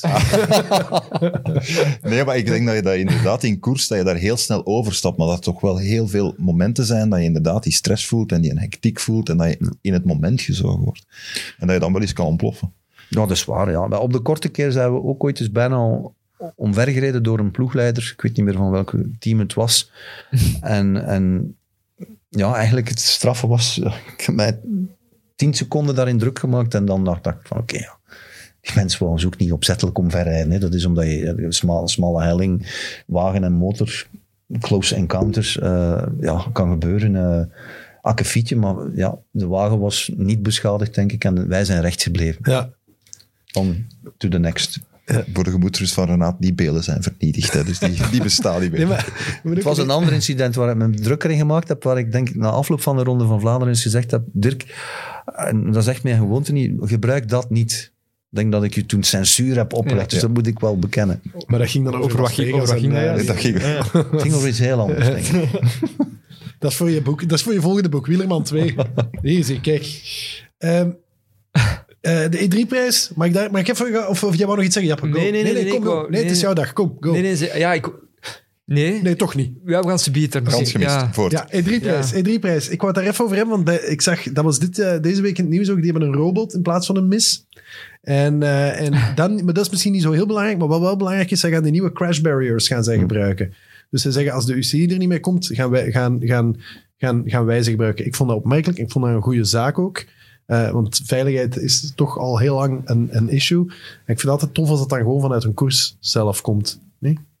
Lijkt me toch, Renaat? Dat is een topinitiatief. Eh, ik, ik hoop dat... ehm, ja, ik heb ze nog niet eh, zelf gezien of kunnen aanraken, maar ik ga dat ongetwijfeld doen als we in Harelbeke komen. En ze zullen ook in andere wedstrijden worden ingezet. Als die, die afsluitingen ja, zijn wat ze beloven te zijn, dan, dan is dit een, een evolutie die is ingezet en die we niet meer mogen terugdraaien. Dan moet eh, dat soort afsluiting vaste prik worden in, in de koers. Want ik was een van de weinige getuigen van, van de horrorcrash in de Ronde van Polen vorig jaar. Mm, door de omstandigheden, door, door het hele coronaverhaal, was ik daar de enige West-Europese journalist ter plekke.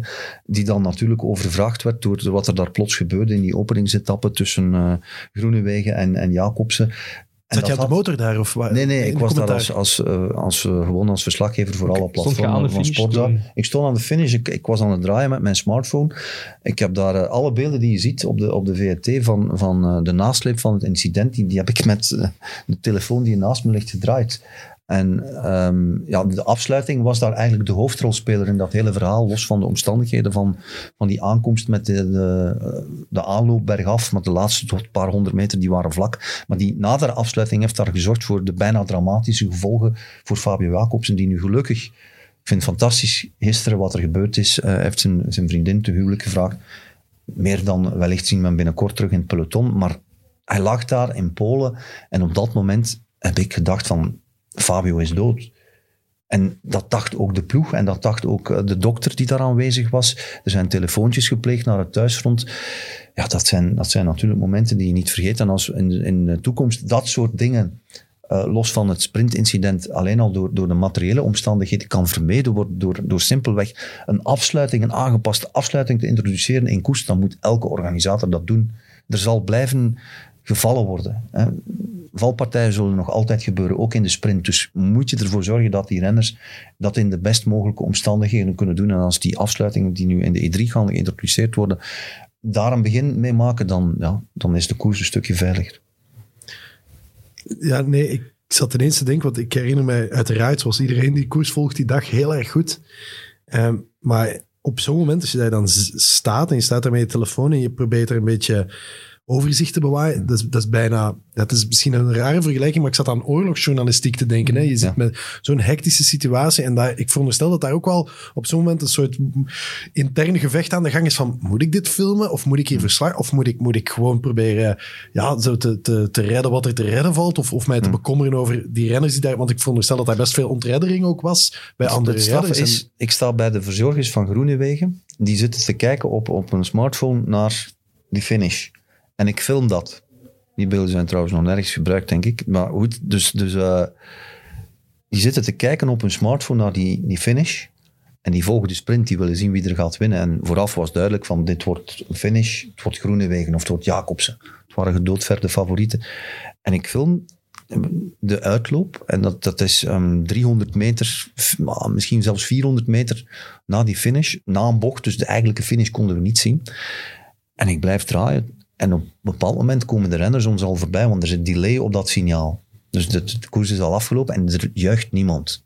Dat was al vreemd, dat er niemand juichend voorbij de verzorgers kwam rijden.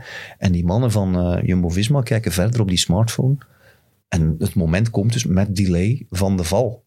En die zitten erop te kijken en je ziet die gasten geschokt wegkijken. En ik had op dat moment nog altijd niet door wat er gebeurd was, omdat ik op dat kleine schermpje niet kon zien wat er exact aan de hand was. Dus dan ga je, stap je vol vragen die 400 meter af en zie je een ontredderde Evenepoel voorbij komen, die zich niet wel gezien heeft dat Jacobsen daar lag en die in alle staten was. Je komt Thomas de Gent tegen. Eh, de Gent die mij zegt van, Renaat, je moet niet gaan kijken. Het is erg. Ik weet nog altijd niet over welke renner het gaat. Dan kom ik ehm, nog renners tegen. Uiteindelijk kom ik bij Jasper Philipsen, die ook bij die val betrokken was. Als je ziet hoe die da- daarover gecatapulteerd is, ongelooflijk dat hij er zo goedkoop is van afgekomen. En, en die zegt, ja, het is, het is Jacobsen. Pas op dat moment weet ik dat het Jacobsen is en ik sta er op 30 meter van. Hulpdiensten daar meteen bij, eerste zorg. Polen hebben dat fantastisch gedaan. Je zit, je zit in een verhaal waarvan je weet, shit, dit is een zeer ernstige valpartij. Ik heb de valpartij nog niet gezien, maar je weet dan al dat er, dat er echt wel iets heel ergs aan de hand is. En je weet dat er vragen gaan komen vanuit Brussel van heb je daar footage van, heb je daar beelden van? Ja, ik ben gewoon blijven draaien, maar ik heb dat gedaan met respect. Ik ben nooit dicht bij Fabio Jacobsen geweest. Er is geen, op die beelden is niks van bloed te zien. Eh, ik heb nooit ingezoomd. Dat is ook moeilijk met zo'n smartphone. Ik ben geen professionele cameraman. Je ziet die ziekenwagen aankomen, je ziet de brandweer, de hydranten, uh, een helikopter. Uh, ja, het was oorlogsverslaggeving. Ik heb toen ook uh, voor het eerst in mijn leven een rechtstreeks gedaan met alleen maar een smartphone, met niemand bij me in het journaal. Je, je, leert dus ook eigenlijk in die extreme situaties als verslaggever, krijg je extra skills waar je niet om gevraagd hebt. Maar nu kan ik dat ondertussen, ja, dat is een, ook iets wat, wat ik nu op mijn lijst kan zetten. Uh, ik kan alleen op antenne gaan in het journaal met een, met een slimme telefoon. Dat is ook een voordeel om als verslaggever wereldwijd uitgestuurd te worden.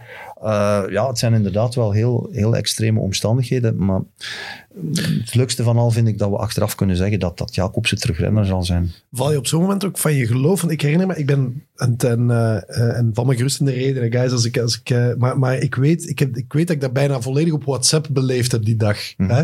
En, uh, en, en ik heb de aankomst nooit gezien. Ja, ik heb wel de, de laten we zeggen, de, de, de aanleidende beschietingen en het geduw en zo gezien, maar dan de valpartij, ik kan, dat, ik kan dat niet aan, ik heb dat nooit gezien, maar ik heb dan wel de hele tijd op WhatsApp met, met een vriend van mij gevolgd wat er op dat moment gebeurt en je leest de reacties. En, en mijn, een van mijn eerste reacties was ook van, ik weet niet of ik ooit nog naar koers ga willen kijken, zo, want je weet niet hoe dat gaat aflopen. Hmm. Is dat op zo'n moment, zit die twijfel ook bij jou? Van wie weet is het wel mijn laatste dag dat ik, dat ik überhaupt... Ik ben natuurlijk al verschillende keren in mijn loopbaan geconfronteerd geweest met ernstige incidenten. Dat slijt. Maar eenvoudig is dat niet. Ik, bedoel, ik heb de etappe becommentarieerd met Wouter in de, in de Wouterweiland. Zijn tragische dood in de Ronde van Italië. Dat is absoluut het meest tragische moment in mijn loopbaan als verslaggever. En, en als ik daarom terugdenk, dan krijg nog altijd een krop in de keel. Gewoon, ik heb Wouter ook goed gekend. Dat was een fantastische kerel. En het heeft mij nog jaren gekost om valpartijen normaal te becommentariëren. Je moet dat toegeven. Maar ja, dat zijn koersfeiten. Ook al is de dood dan een factor in zo'n verhaal. Als je van koers houdt, dan weet je dat er gevallen gaat worden. Het is, het is ja... Je moet, je moet verder, denk ik. Iedereen gaat er op zijn manier mee om. Ik zat in die Giro commentaar te geven samen met Karel van Nieuwkerk. Karel heeft zo snel als hij kon, heeft hij gezegd van ik moet naar huis. Terwijl mijn reactie was van ik moet hier verder de koers verslaan. José is dan opgekomen, die heeft mij er dan nog eens doorgesleurd. Uh, dus hij is de ultieme mental coach. Ik weet niet of jullie, jullie moeten hem hier ooit hebben, dan ga je nog verhalen horen. Uh, José is uh, ja, de ideale persoon in, in, in moeilijke omstandigheden. Ja. Een soort psycholoog, niet in de dop, maar in de realiteit. Um, erge dingen gebeuren in koers. Je weet dat dat kan gebeuren.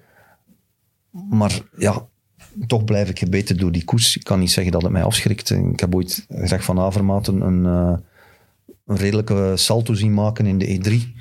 En toen dacht ik, toen heb ik zelfs, eh, dat was nog in mijn verwerkingsproces na, na de val van Wouter Weiland, denk ik. Ik heb toen live op antenne geroepen, Greg, sta recht. Dat, dat is misschien wat over. Hij is dan ook eh, vrij snel recht gestaan. Maar Het heeft wel indruk gemaakt. ja, tuurlijk, maar valpartijen, nog altijd, elke keer opnieuw. Ik heb al zoveel valpartijen gezien, maar elke valpartij weer, nog altijd, schrik ik. Ja. Het went nooit. Nooit. Laten we het over iets vrolijker hebben. Eh, doping. nee, we moeten het nog even over, over, over de Sky Doctor hebben. Dat, willen we- dat was ook deze week. eh kwam het nieuws, Dirk. Ja. eh, dat de, hij, ik als jullie het niet vinden, omdat ik vond... Ik ben blij dat we het erover gehad hebben, maar... Of wil je nog, wil je nog iets aan Nee, nee, ik vond, we gaan nu voort. Ja. Ja. ja. Ja, doping. Allee, kom. Ja, ja. Hè? Cortisone. Waar, waar, waar heb je allemaal, Dirk? Wat heb je bij? Nee, ja, er, is, er is geen enkele sport beter dan het wielrennen om oude koeien uit de gracht te halen. En, veel grachten. En er zijn heel veel grachten en diepe sloten.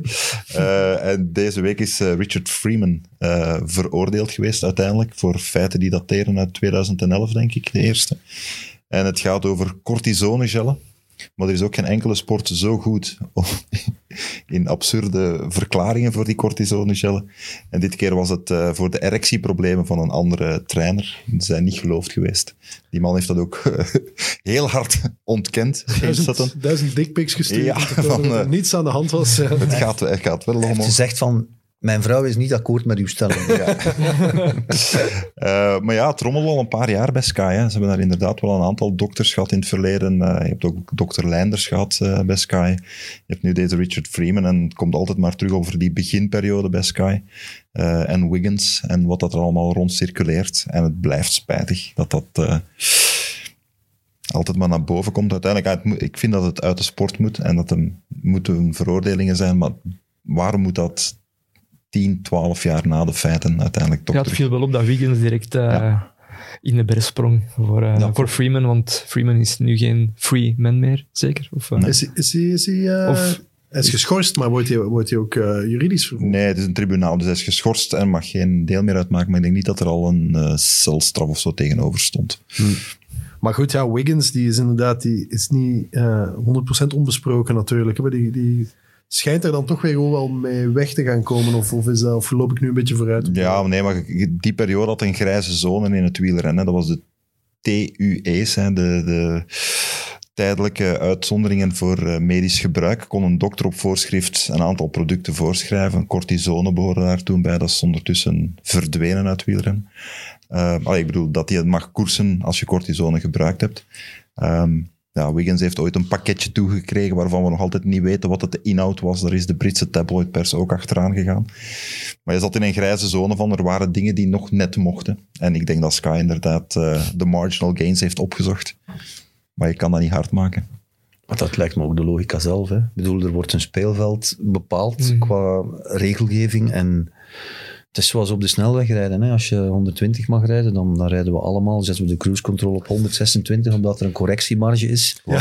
Ah ja, hij doet dat ook. Ah ja, Iedereen doet dat. ah, is het waar? Ja, ik dacht dat ik de enige aap was die dat deed. Ah, ja, Je moest hier op tijd zijn. Hè. Maar je kan het inderdaad niet hard maken. Al bestaan daar wel middeltjes voor als je het niet kunt hard maken. Mooi. Tadam, tadam, tadam, tadam. En zo komen wij aan. Ja, maar ja, ik heb van de morgen dan moeten erectiestoornissen intypen op mijn computer. Ik kreeg daar straks al een paar eh, advertenties in mijn sitebalk voor. eh. Ja. Dus de laatste keer dat ik dat gedaan heb. Ja, maar goed, nu weet je het ook. Nu weet je waar je moet zijn. En dat is een geruststelling voor iedereen.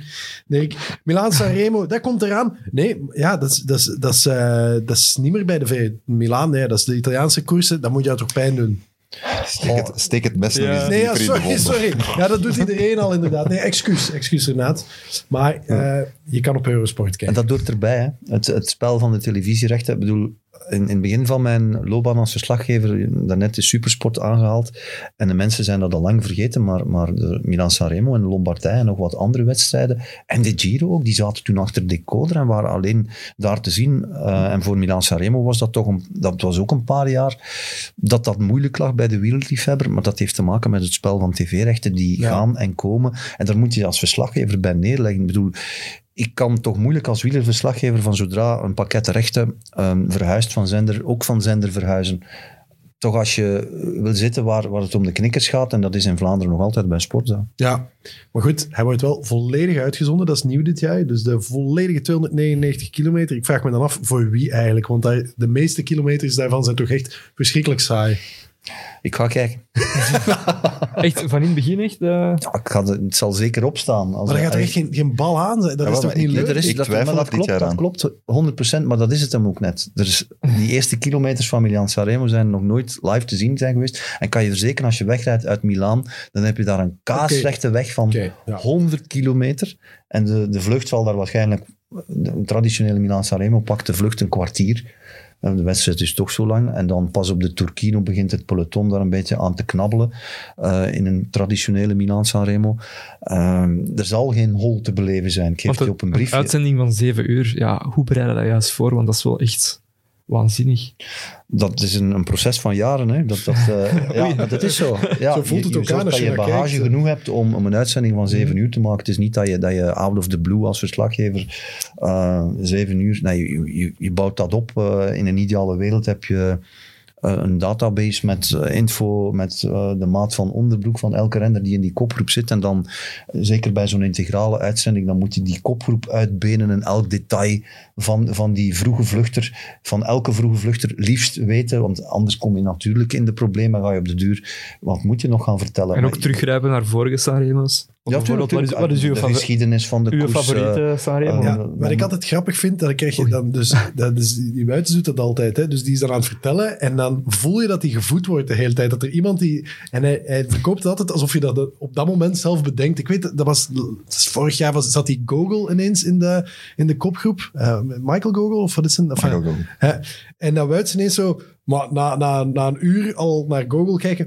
Ze noemen hem trouwens Google Maps, zei hij. Maar je voelde ook gewoon dat hij, die, die kreeg de hele Ah, tijd ja. fiches zo onder zijn neus geschreven. Dit kan je nog zeggen. Alsof hij het echt ter plaatse eh verzon. Dat vind ik, vind ik altijd eigenlijk wel grappig, dat je de hele tijd de indruk geeft dat het allemaal klaar zit, terwijl het zit niet klaar. Hè? TV is bedroggen. Maar dat, voilà. En dat is gewoon het verschil met een podcast. Dat is allemaal Echt. echt. Halve jappentoot, hè, dat bestaat Nee, nee, maar ik, stelde juist een vraag aan Renaat van ja, hoeveel Sanremo's heb je juist becommentarieerd? Of, eh, Echt? ja. Sanremo's? Nee, of- of geen enkel, of geen enkel jammer of, genoeg eh, staat op mijn to-do-list. eh. Of, of daar geweest? Ah ja, dat, vaak, ja. Ik denk, eh, het, was de eerste, het was het eerste monument waar ik ooit ter plekke was voor, Ja. voor eh, Supersport in, in, eh, in 96. Er woonde een obscure Italiaan, Gabriele Colombo, die, waarvan niemand op dat moment eigenlijk gehoord had. En, en sindsdien ben ik, tot, tot eigenlijk recent, tot we de rechten kwijtgespeeld zijn, ben ik ongeveer elke editie geweest. Ja. Uw favoriete Sanremo, dat wil ik weten. Voor nu eh, zaterdag. Nee, nee, nee, uw favoriete editie Ah. waar, waar dat je aanwezig waart. Goh, ehm, Je hebt toch zo... Voor mij was Sanremo altijd een zeer frustrerende koers, omdat ik al die jaren zat te hopen op... eh, dus toen in de overgang van, van Supersport naar de VRT ben ik een paar jaar niet geweest, omdat ik toen de VRT jongste verslaggever, dan wordt hij niet uitgestuurd. Dus de zegen van Schmil had ik dus gemist on-site. En heb ik gewoon, denk ik, van op de redactie gezien. En ik zit al die jaren, zat ik altijd al te hopen op Ah, ja. een Vlaamse, een Belgische winnaar. En het is er nooit van gekomen. Ik heb nog nooit een, een Belg weten winnen in Sanremo terwijl ik daar was. Dat is is wel weer heel goed nieuws voor België natuurlijk, want je bent er deze keer ook niet bij. Hè? Dus dat ziet er eigenlijk wel weer heel goed uit. Dirk, jij denkt ook dat een andere editie dan anders gaat worden? Dat, we- dat, dat we toch iets te zien gaan krijgen? Maar ik, ik heb ooit, eh, Davide Bramati vertelde mij ooit van Milaan Sanremo, dat is eigenlijk hetzelfde als een hele grote magnum fles champagne ontkurken. Je moet die stop daar heel lang en heel traag afdraaien en uiteindelijk ploft die eraf en is zo op de poggio ontploft het allemaal. Maar nu zitten we met drie zo'n grote favorieten. Moet die gaan ook weer wachten tot de champagne ont- Die mannen wel. Ja. Maar al die anderen gaan toch een plan moeten bedenken van, we gaan er vroeger moeten aan beginnen. Haalt niks uit. Ja, op, de, op de Cipressa kan je, kan je wel iets proberen, maar je weet dat je... In een, Ja, vroeger was het inderdaad, als je daar ging, dan, wat, dan werd je uitgelachen in het peloton. Cipressa er nu in, want dat parcours is toch wel wat aanpassingen gehad. Hè? Ik bedoel, eh, ik zou het moeten nakijken. Ik dacht dat er wel in zat. Ja, ja, maar ja. er zijn toch redelijke wijzigingen geweest. Er was zelfs op een bepaald moment sprake van niet aankomen Ja. op de Via Roma. Wat helemaal Dat is heilig heiligschennis zou geweest zijn. Ja. We, we hebben daar een paar jaar in het vage vuur gezeten op de Lungomaro. Lungomare Italo Calvino of op de Mhm. Corso Cavalotti nog in, in andere tijden. Eh, dat is niet hetzelfde. Die koers moet aankomen op de Via Roma, op die plek, op dat kruispunt, met dat beeldhouwwerk in die muur, waar Merckx gewonnen heeft, waar de Vlaming gewonnen heeft, waar al die andere grote namen gewonnen hebben. Dat moet daar aankomen. Anders is dat voor mij Milan Sanremo niet. Ja, en die 299 kilometer ervoor doen er eigenlijk niet zo heel erg veel toe als het daar maar aankomt. Eh, de, de, dus je, de het wordt een van die drie, hè? Daar ben je, dat zeg jij nu eigenlijk wel. Hè? Oh, de drie, ja, iedereen zal kijken naar de drie. Ik heb trouwens die vraag niet beantwoord, hè, wat mijn favoriete editie Ah, was. sorry, ja, ik doe dacht- dat eens. Doe dat ja, ik dacht van, hij beantwoordt Ik dacht met die van Schmiel, Schmil. ja. Ja. Eh, nee, eigenlijk niet. Ehm, ter plekke zijn... Goh, Greg van Avermaat is een paar keer dicht geweest. En, en met, ja, altijd als eerste over die Poggio en dan toch niet kunnen, kunnen afronden. Dat vond ik zo spijtig. hè. Want ja, als je eigenlijk als eerste boven komt op de Poggio, dan ben je al een beetje morele winnaar van Milan Sanremo. Maar goed, vorig jaar was Alaphilippe als eerste boven op Ah, de. Poggio. En Wout van is dan toch kunnen terugkeren.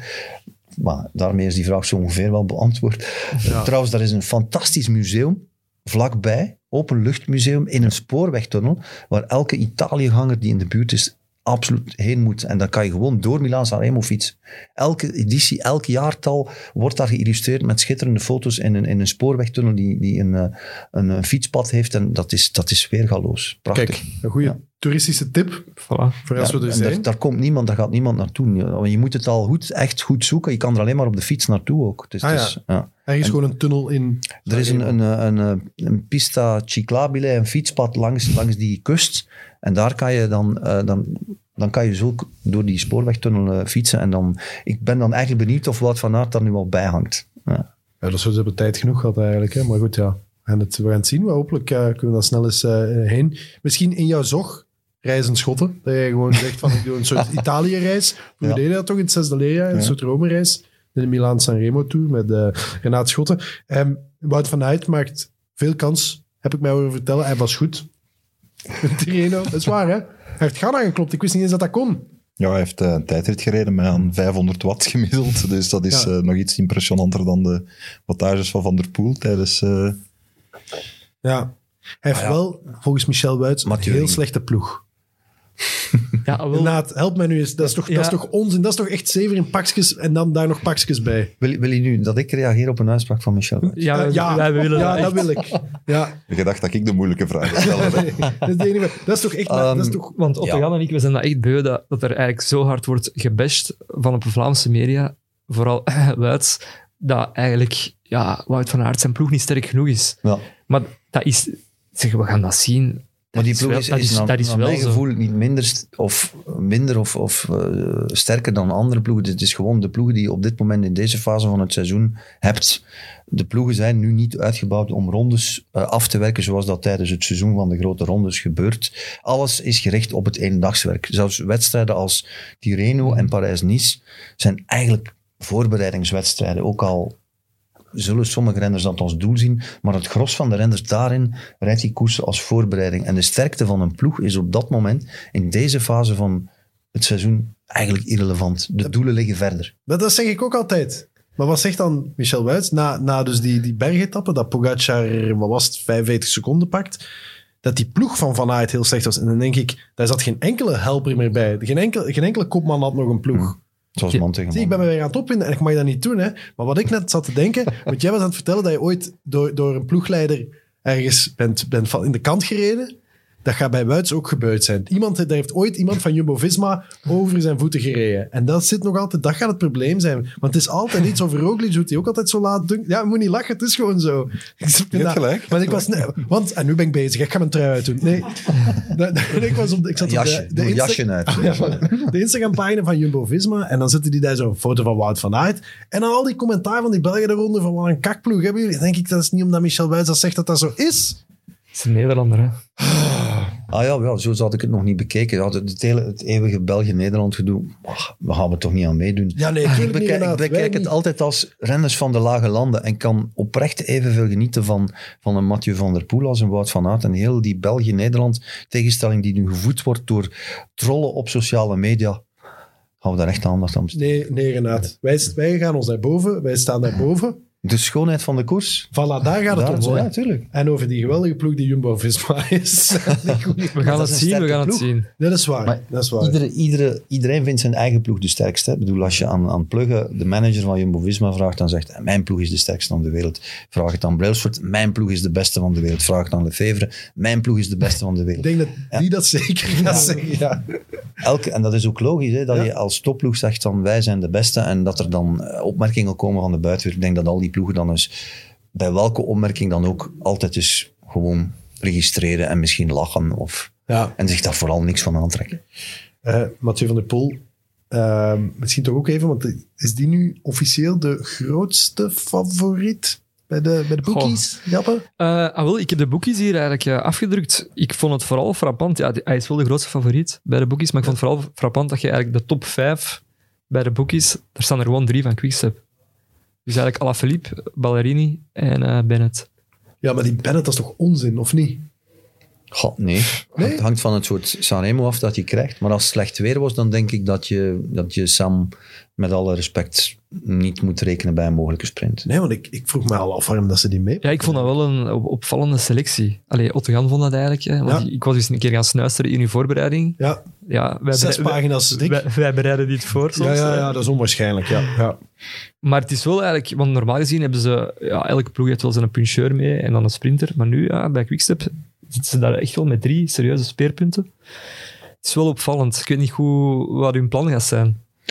Hun plan is dat ze drie plannen hebben. En een plan wordt altijd aangepast naar gelang de wedstrijdsituatie. Als je een, een gesloten Sanremo krijgt, wat altijd kan, eh, zelfs de mogelijkheid bestaat dat, dat er op de Poggio niemand wegraakt. Dat het is de jongste jaren misschien minder voor de hand ligt, maar dat kan nog altijd. En zo zijn er in het verleden heel veel primavera's geweest. Niemand geraakt weg op de Poggio en krijgt de sprint met een man of dertig. Of, of ze komen nog terug. Eh, dus dus eh, je moet... Bennett is, is dan plan C eigenlijk in, in eh, dat triumviraat dat je daarop noemt. Dus ik denk dat Alaphilippe als absolute kopman wordt gebruikt. Ballerini als de wedstrijd eh, lastig is in, in slecht weer en er wordt toch nog gesprint met 20 man, dan is de kans groot dat Ballerini erbij is. Is Bennett er nog bij en Ballerini, dan gaat Ballerini moeten aantrekken voor Bennett.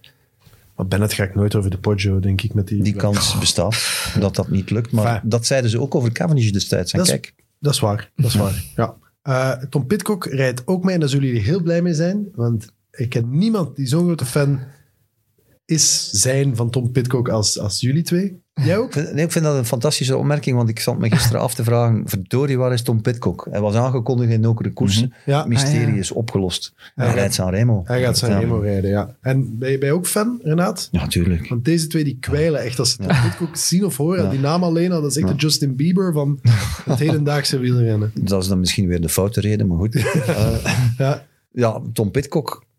Ik vind het eh, fantastisch dat hij bij die ploeg evolueert nu, maar ik hoop vooral dat hij blijft crossen. Dat hij niet weggezogen wordt van, van het veldritcircuit. Ik hoop gewoon dat hij, dat hij doet zoals Van Aert en Van der Poel. Dat hij blijft... eh, de vraag is of Ineos dat gaat toelaten. Nee, ik ze- geloof dat wel in, omdat ze ook zijn, zijn mentor, Kurt Bogaerts, hebben Ja. ze ook wel in de ploeg meegenomen. Dus ja, ik denk wel dat dat... Ik heb Ja. daar een goede oog in, op dat Ja. vlak. ja, ja, laat- echt, cross heeft dat nodig. Ja. Ja. Figuren als Pitcock. Niet Belgen en niet Nederlanders. Ja, ja, ja. Die moeten in het veldrijden blijven en dan is zo'n Pitcock goud waard. Ja. Ja. Ehm, maar maakt die kans? Goh, ik denk het niet. Om Nee. Milan Sanremo te winnen. Ja. In theorie wel. Ja. Maar, Ja. maar dan, dan, ja, Theorie en praktijk. ja, ja, dan, dan spreek je over een scenario waarin, waarin er een, ehm, ja, een heel klein groepje wegraakt op de Poggio en dan moet er nog iets gebeuren in de slotfase of ze moeten tactisch naar elkaar beginnen kijken, wat eigenlijk de jongste jaren bijna niet meer is voorgevallen. De manier waarop Schmil gewonnen heeft in 99, ja, of, of zelfs, sorry, zelfs Cancellara De emoties lopen overal hoog op. Ook hier. eh, of zelfs Cancellara op een bepaald moment op een diefje nog weggaan in die slotkilometers. Dat hebben de jongste jaren eigenlijk niet meer gezien. Hè. De logica is eigenlijk recent bijna altijd gerespecteerd. Dus, Ja. eh, maar in zo'n scenario, een renner met de capaciteiten Pitcock natuurlijk.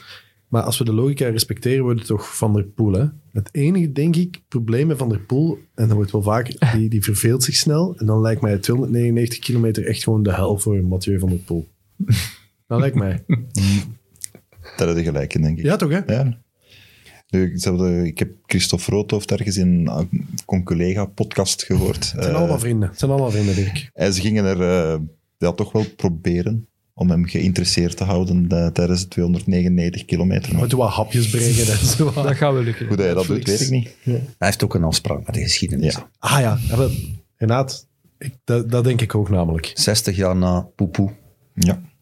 Is- 60 jaar na zijn grootvader. dag- Ik denk dat het morgen... eh, het, is, het is 16 jaar geleden dit Dag jaar dat dag. Polydor eh, gewonnen heeft. Ik denk dat het vandaag 60 jaar geleden is, dag op dag, dat Polydor gewonnen heeft. Dus, dus met eh, twee dagen vertraging kan eh, eh, ja, de kleinzoon de grootvader evenaren. Dan denk ik wel dat als hij dat gaat doen, en die, het is Van der Poel, dus die kans zit er wel, is wel vrij dik te noemen. Dan denk ik wel dat hij meteen ook zijn laatste Milaan San Remo wordt. Dat hij dan denkt, ik heb dat nu gewonnen. En dan mag van mij, dat is zo, we hadden het erover, hè, Dirk, dat Ja. dat niet, Mathieu van der Poel is er zo niet het type naar om dan te zeggen, ah yes, dat wil ik nu vier keer na elkaar gaan winnen. Denk ik. Het is ook veel moeilijker natuurlijk geworden om in het moderne, allee, in het hedendaagse wielrennen, om die lijstjes van vroeger, eh, de zeven van Merckx, om die niet te noemen, om zo'n zaken eh, te realiseren. Dus ik, ik denk dat, dat toppers inderdaad werken met, met een, een wensenlijstje en dan zoveel monumenten. eh, check, check. Ja, dat lijkt me eigenlijk ook de logica zelf. Ja. Maar het is natuurlijk, ik denk dat vooral ook bij hem zo, dat is een millennial, hè, dat is desinteresse. Hè. Dan heeft hij dat gehaald en dan gaat hij op, on to the next, wat kan ik nu nog doen? Hij heeft toch gelijk? Ja, tuurlijk. Als je, als je kan wat hij kan, als je Olympisch kampioen mountainbiker kan worden. Ik, ben, ik kijk zeer erg uit naar de Ronde van Frankrijk. Want als hij, om goed te zijn op, op de Spelen in de Olympische mountainbike-rit, dan zal hij ook automatisch al goed moeten zijn in de Ronde van Frankrijk. Ik denk dat hij daar misschien en passant ergens in de gele trui glipt. En ja, wie weet wat we dan allemaal zullen meemaken met Van der Poel en Van Aert en Alaphilippe in dezelfde rittenkoers. Ik ga kijken naar de Tour, alleszins. Maar ik denk dat er een paar van die klassementrenners, als ze daar, daar al met angst naar uitkijken, van wat als die gasten hier gaan koersen, gelijk als dat klassiekers zijn. Goed, hè? Ja, mooi. Ik ga ook kijken naar Milaan San Remo trouwens. Ik wil toch vragen, de favoriete Jap, ik ga bij jou beginnen. Wie, Goed, gaat- dus ik moet nu een, een, een naam zeggen. wie wint. Milaan San Remo? Ehm, Alaphilippe. Alaphilippe. We hadden het er zelfs niet over gehad. Alaphilippe, oké. Ja. Ja. Moet ik, moet ik dat staven of zo? Nee. Wil je dat staven? Ik Kan denk, je dat, het staven? Ik, ik denk dat het wel duidelijk is. Hè. Ik denk dat ze gewoon echt met drie gaan wegrijden op de Poggio. En dan uh, En dan denk jij de traagste wint. ja. ik wou net zeggen, degene die dan nooit wint, die gaat nu dan. je gaat het zien. Oké. zien. Renaat? Alaphilippe demareert net eh, aan de kerk op de Poggio. Van Aert en eh, Van der Poel reageren. Komen erbij net voor de afdaling. Maar de voorsprong is maar 10 seconden. Komt nog een groepje van 20 man terug. Ze blijven samen en Merlier wint in de sprint. Holy fuck. Oké. Heel goed. Heel goed. Ook heel gedetailleerd, ook inderdaad. Ik ga voor hetzelfde scenario, maar uiteindelijk gaat Mathieu van der Poel toch nog sprinten en winnen. Ik zeg Sam Bennett. ja, omdat de, de, de algemene teneur is dat iedereen denkt, die raakt nooit de Poggio over. Ja, wel, dan geloof ik ineens in Sam Bennett. Ik spreek mezelf al eens graag tegen. Dus eh, oké, dan hebben we die ook gehad. Ehm, Renaat maakte daar straks de vergelijking met Cavendish, maar veel mensen zijn vergeten dat Hinkepie die toen bijna aan zijn petrolboeken de Poggio overgesleurd heeft, denk ik. Ja, En wie gaat dat met Bennett doen? eh, ja. misschien de rijverslaggever op de motor. nee. Goed, eh, we gaan het allemaal zien. Aanstaande zaterdagmorgen is er nog eh eh het Brede ook Kokzijde Classic. Ja. Die ga jij doen. Ja. Eh, met ja, mindere goden mag ik dat zeggen. Dat is eigenlijk niet waar. Dat is zo Cavendish rijdt hè. Ja. Wie? Cavendish rijdt. Cavendish, ja. Is hij Oh. hersteld van Nokeren? Ja, dat denk ik wel. Hij lag je wel vies bij, dacht ik, even in het begin. Was niet hard. Nee? Dit is oké. Oké. Ik vind het wel zalig ook om te zien. Ja, ik hoorde het gisteren ook. Ik merk ook dat de journalisten en commentatoren ja, echt wel supporter zijn.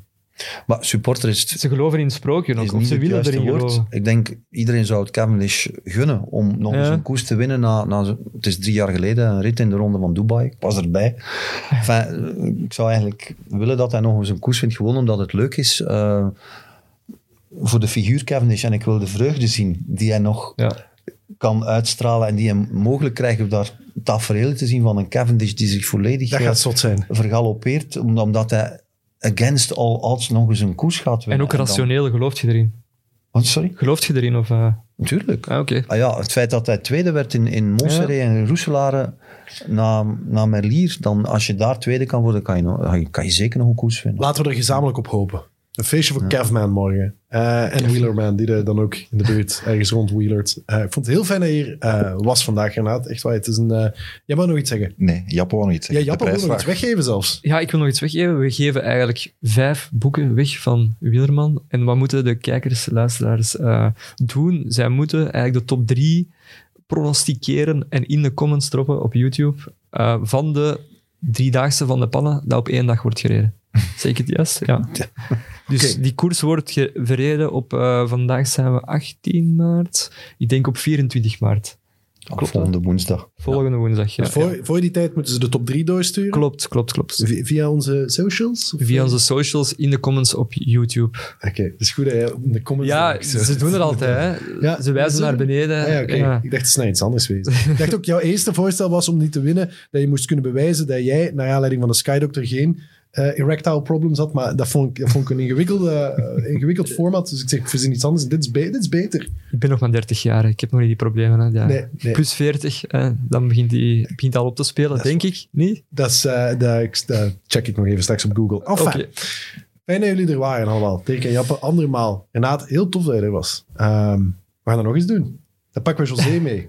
Dat is, het zal hier wat groter moeten zijn. Dan. Ja, maar dat, dat is Dan gewoon moeten we drank voorzien. Ja, dat regelen we wel Ik heb nog wel nog één korte vraag. Zeker, maar zeker. heel kort, heel Zeker. kort. Wouter Baart die vroeg zich af, hoe zeg je nu alweer laatste kilometer in het Italiaans? Fafanaculo. Nee, wat was het nu ook alweer? Fafaculo. Ja, dat weet iedereen toch ondertussen. Ah, Kom, doe hem nog één keer, Renaat. Ultimo kilometro. Shit. Dames en heren, dit was een de vierde aflevering van Valsplat. Fijn dat jullie gekeken of geluisterd hebben. En hopelijk tot volgende keer. Valsplat, mede mogelijk gemaakt door Proximus en Flanders Classics.